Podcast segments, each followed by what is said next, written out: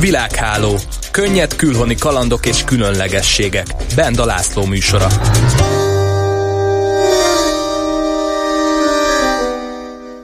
Jó napot kívánok mindenkinek! Ebben a mai adásban bemutatunk egy viszonylag új, de annál intimebb szakmát.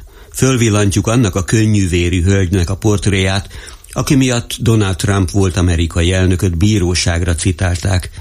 Aztán keleti pikantériákról beszélgetünk Vladimir Putyin környezetéből.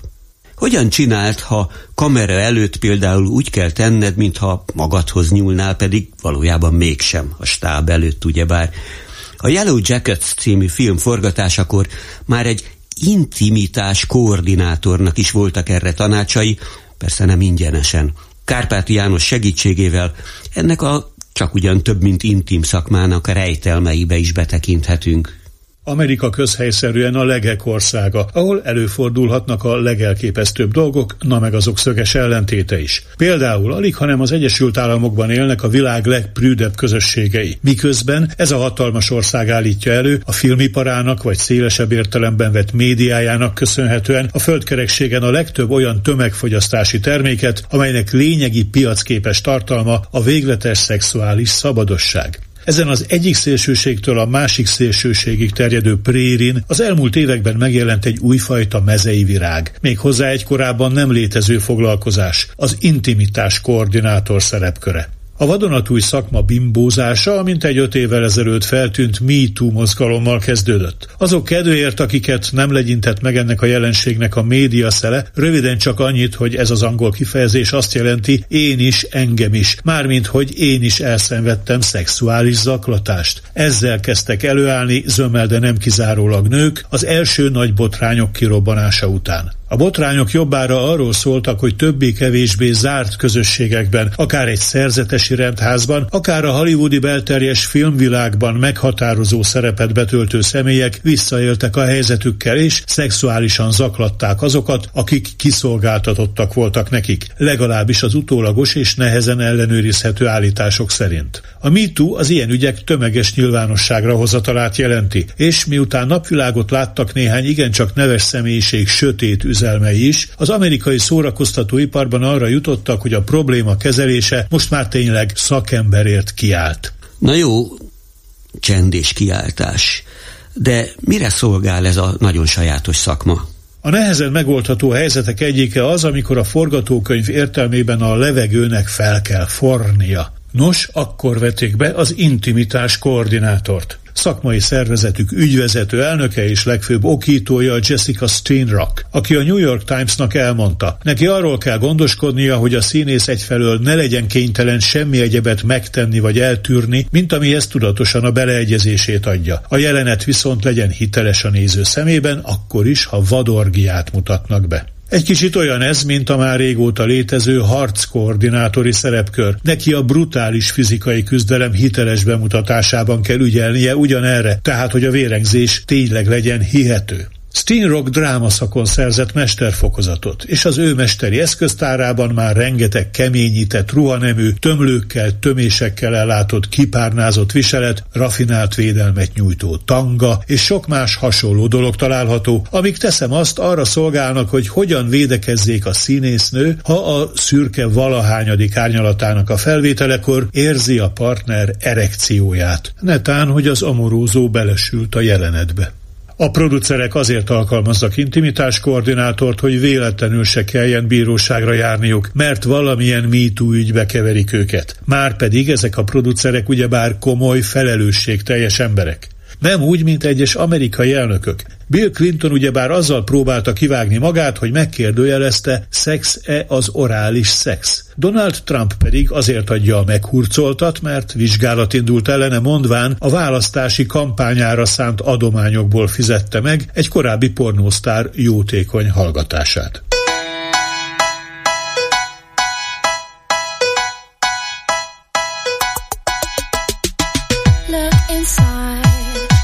look inside your tiny mind and look a bit harder.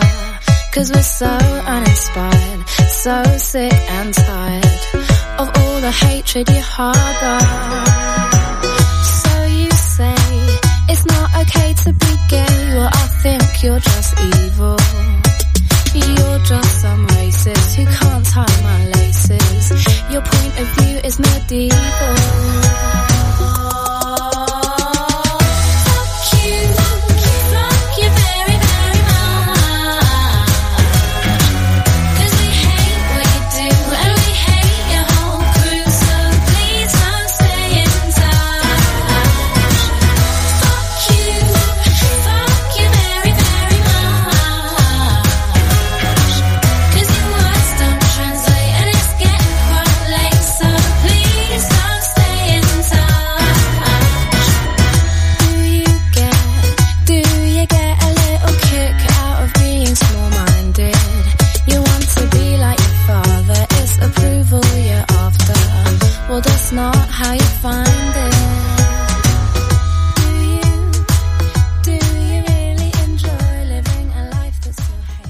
Az imént Kárpáti János által is említett Bill Clinton dolgozószóbájából elhíresült Mónika Lewinsky persze nyelt egy nagyot, de mindenre emlékszik. Bill Clinton inkább benyomná a törlés gombot. Donald Trump egyik állítólagos korábbi kedvese, bizonyos Stormy, vagyis viharos vagy viharzó művésznévre hallgató Stormy Daniels kisasszony, hát akit utólag busásan kifizettek, szintén tudna emlékezni. Viszont Trump volt és reményei szerint leendő elnök, mostanában szívesebben emlékeztet az utódja, netán az elődje, Joe Biden időnként kihagyó memóriájára.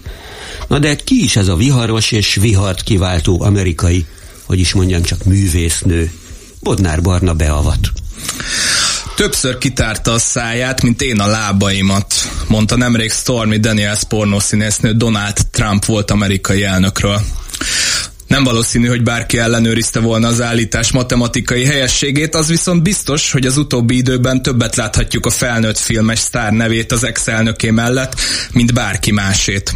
Bár a hölgy Stephanie A. Gregory Clifford néven látta meg a napvilágot, mégis a művész neve söpört végig tornádóként a médián, viharos jelentésének megfelelően. 2016-ban Stormy a gyanú szerint ugyanis mostani árfolyamon kb. 45 millió forintnak megfelelő dollárt kapott azért Donald Trump emberétől, hogy elhallgassa az akkor elnökségért versenyző politikussal folytatott viszonyát. Ez egyébként enyhén szólva sem volt hosszú életű románc, Stormy azt mondta, élete legrosszabb 90 másodperce volt. Nem sok. Azt kell, hogy mondjam, hogy minden esetre Trumpnak sokba kerülhet ez a másfél perces aktus, ha így volt. Igen, és nem csak azért, mert a kifizetés kapcsán emeltek vádat ellene, hanem azért is, mert ez az ügy, bárhogy is végződik, nem fog jót tenni Trump jó hírének a 2024-es elnökségért folytatott versenyben, amin ismét indulni kíván. A most 44 éves Stormy egyébként már 17 éves korában kipróbálta magát striptease táncos nőként, 2004-ben pedig elnyerte a legjobb új csillagocska nevű szakmai díjat is az egyik legnagyobb amerikai felnőtt filmes magazintól. Karrierjének ennél jóval meglepőbb fordulata, hogy 2009-ben a politikai szintéren is megjelent, amikor úgy tűnt, indul a louisianai választásokon David Witter republikánus szenátor ellen, akit Stormy szerint szoros szálak fűztek egy bizonyos prostitúciós hálózathoz.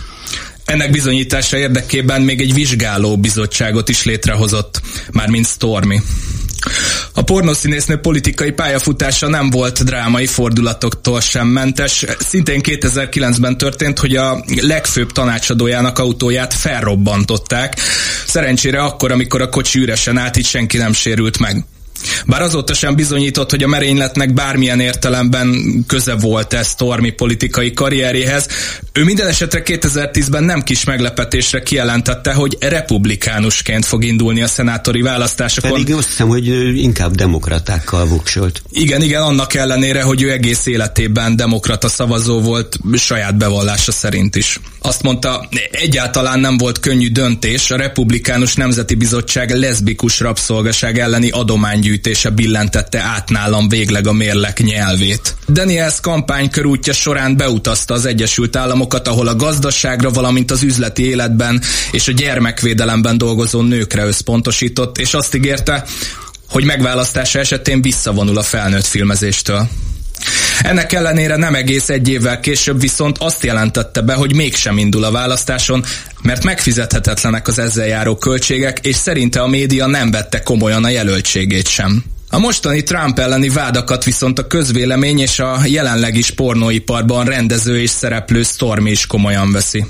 Olyannyira, hogy azt mondta, bármikor készen áll a tanúk padjára ülni, hiszen pontosan ezt tenné legitimé a vele és a volt elnökkel kapcsolatos történetet. Ugyanakkor szerinte ezért az ügyet legalábbis nem érdemel börtön Trump, viszont fontos, hogy az emberek lássák, mindenki felelősségre vonható, akár az Egyesült Államok elnöke is. A pornószínésznő Pierce Morgan angol showman cenzurázatlan című műsorának adott 90 perces interjújában annyit tett hozzá. A királyt letaszították a trónról, már nem érinthetetlen. A volt király és netán leendő király pedig perel tovább, őt is perlik, és készül a kissé korán elkezdődött választási kampány finisére.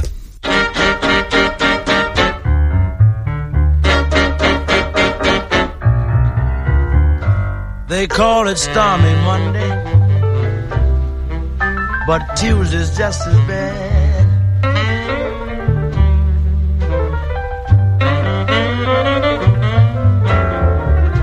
They call it stormy Monday, but Tuesday's just as bad.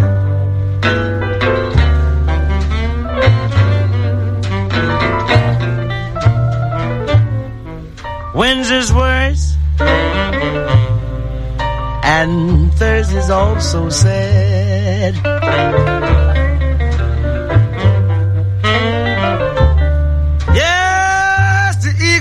Flies on Friday. And Saturday I go out to play.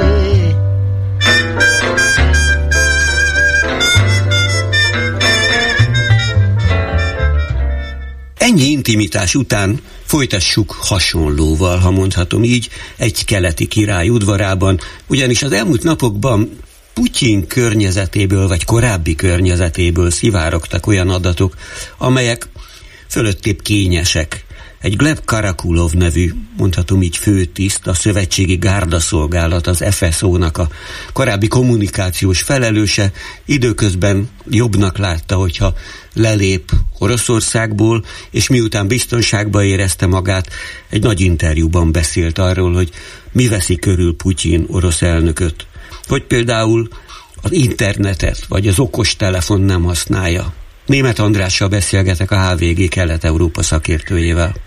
Igen, nagyon sok mindent elárult Gleb Karakulov, mert uh, sok minden például azt, az kiderült, amit említettél is, hogy nem használ mobiltelefon, nem használ internetet.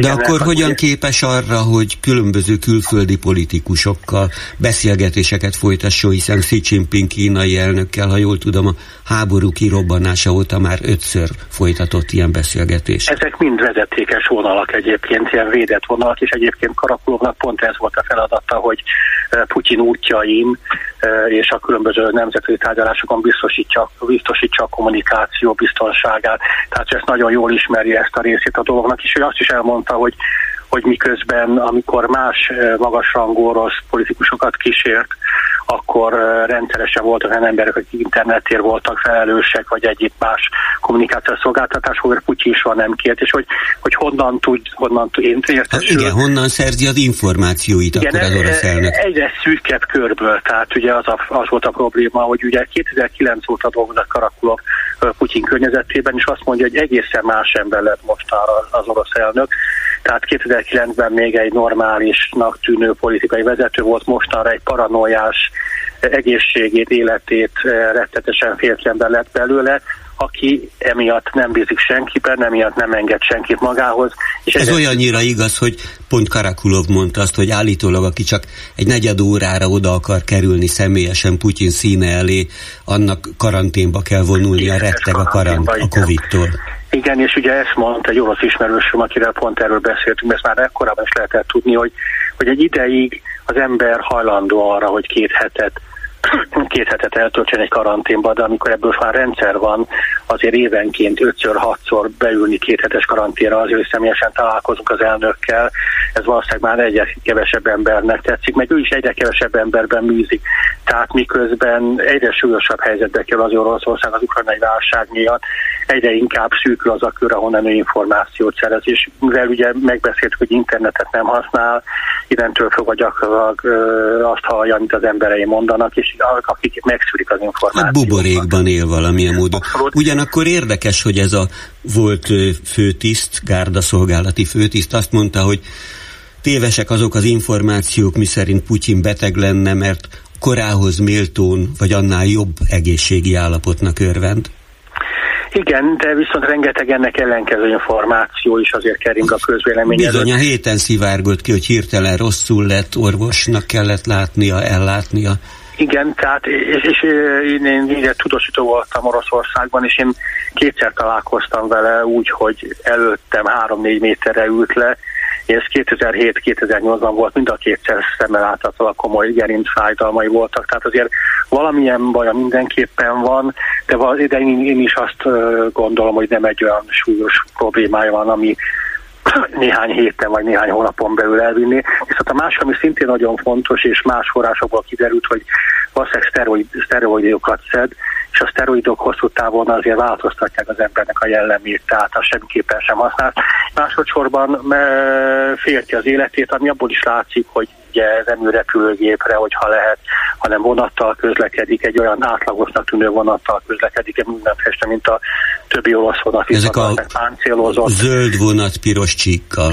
Igen, igen. És az is nagyon érdekes, amit szintén elmondott, hogy e, nagyon sok egyformán berendezett ablaktalan irodája van, tehát a, a külföldiek, a külföldi titkosszolgálat csak nem tudják, hogy éppen valóban hol tartózkodik. De szerintem van mitől félnie, tehát azért a csecsenek között is szerintem vannak még akik tennék Putyint az útból, hogyha lehetnék ugye a függetlenség párti csecsenek. Általában több merénylet kísérlet is volt ellen, de általában mindegyiket víz túlért. És az is kiderült, hogy gyakorlatilag egy paralel vasútvonalak futnak a különböző Putyin érdekeltségek, ingatlanok mellett, ahol titkos megállók várják az elnököt és környezetét.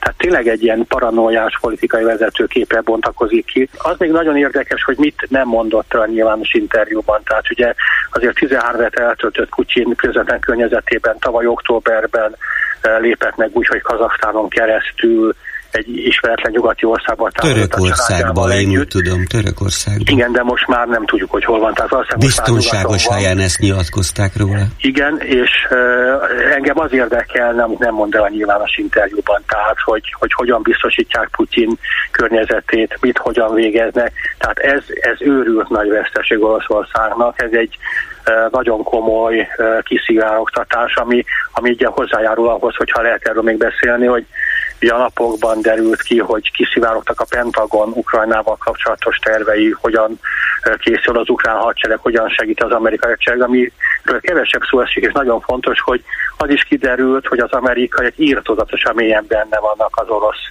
katonaságban, az orosz politikai vezetésben, tehát Oroszországban is szerintem az elkövetkező nagyon komoly köldöknézés várható, hogy hogyan kerülnek ki ezek a hírek. Akkor egyetlen kérdésem maradt, hogy ennek a Karakulov nevű főtisztnek a vallomásában mennyire lehet hinni akkor, hogyha ezt Mihail Hodorkovsky emigráns, korábban börtönbe csukott, Putyin által börtönbe csukott ellenzéki politikusnak az alapítványa pénzeli Londonban? Én ezt hitelesnek tartom. Mondjuk bennem azért fölmerült az, hogy ez nem egy orosz dezinformációs akció-e. Tehát bőven belefér egy orosz dezinformációs akcióba az, hogy elengedik külföldre ezt a karakulovot, és beszámoltatják, uh-huh. és félrevezetik a nyugatot. Ez bennem fölmerül, de hogyha igaz, és valóban e, meglépett Oroszországból, és nem ez egy, ez, és ez nem egy orosz dezinformációs akció, akkor viszont elhiszem, amit mond. Tehát attól függetlenül, hogy, hogy Hodorkoszi alapítványának beszélt, ezek mindenképpen azért hitelesnek tűnő információk, és mondom, az a lényeg szerintem, amit nem, nem mondott el a nyilvános információkban, a nyilvános nyilatkozatokban. Majd meglátjuk. Német Andrásnak köszönöm, hogy velünk volt. Minden Én is köszönöm.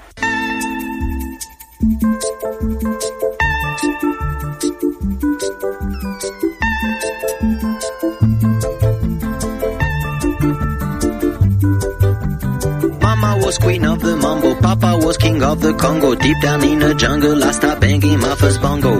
Every monkey like to be in my place instead of me, cause I'm the king of bongo, baby. I'm the king of bongo bong. I went to the big town where there is a lot of sound. From the jungle to the city, looking for a bigger crown. So I play my boogie for the people of big city, but they don't go crazy when I'm banging on my boogie. I'm the king of the bongo, king of the bongo. Hear me when I come, baby. King of the bongo, king of the bongo. Nobody like to be in my place instead of me, cause nobody go crazy when I'm banging on my boogie. I'm a king without a crown, hanging loose in a big town. But I'm a king of bongo, baby. I'm the king of bongo bongo. King of the bongo, king of the bongo. Hear me when I come, baby. King of the hear me when I come. They say that I'm a clown, making too much dirty sound. They say there is no place for little monkey in this town. Nobody like to be in my place instead of me, cause nobody go crazy when I'm banging on my boogie. I'm the king of the bongo, king of the bongo. Hear me when I come, baby. King of the bongo, king of the bongo. Végül úgy látom, maradt annyi időnk, hogy egy régi adósságomat teljesítsem, mert valamelyik előzetesbe elmondtam, hogy kiből lehetne Észak-Korea első királynője. Minden esetre az ifjú diktátor, ottani hivatalnok nyelven a fiatal marsal és hitvesei már hétszer, hetes alkalommal jelent meg egy körülbelül tíz éves kislányjal, akiről éppen Dennis Rodman-től, az amerikai NBA kosárlabda sztárjától tudjuk, hogy Kim Ju-énak hívják, és ez a jó két méteres, egyébként féregbecenévre hallgató sportoló ideál annyira bebálbozódott a diktátor családjába, hogy épp egy évtizede még kezébe is vehette palotájukban ezt a csecsemőt.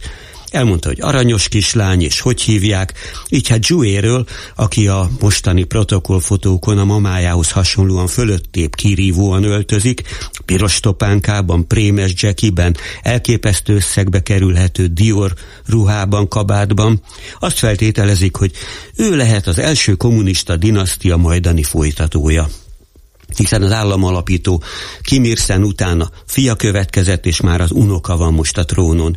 Ja, és még valami. Ismert az a régi csemete barát koreai mondás, hogy a gyerekek Korea királyai. Csak hogy a 24 éves Észak-Koreában is szinte mindenki tudja, hogy még egy stalinista monarchiának is csak egyetlen királya lehet. Netán királynője.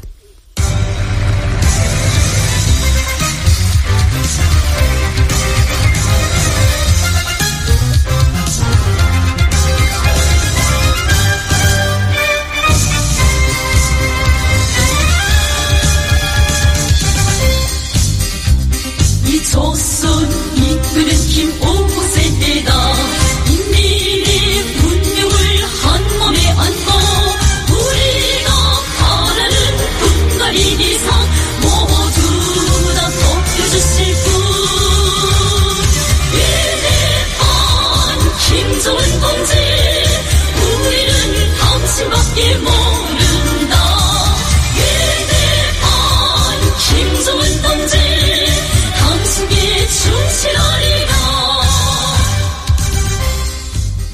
Kedves hallgatók, ennyi fért mai adásunkba. Ennek elkészítésében Göccei Zsuzsa segített a zeneválogatásával, Bodnár Barna pedig a szerkesztésben és a műsor összerakásában. A nevükben is megköszöni a figyelmüket Benda László, a viszont hallásra mához egy hétre. Világháló. Könnyed külhoni kalandok és különlegességek.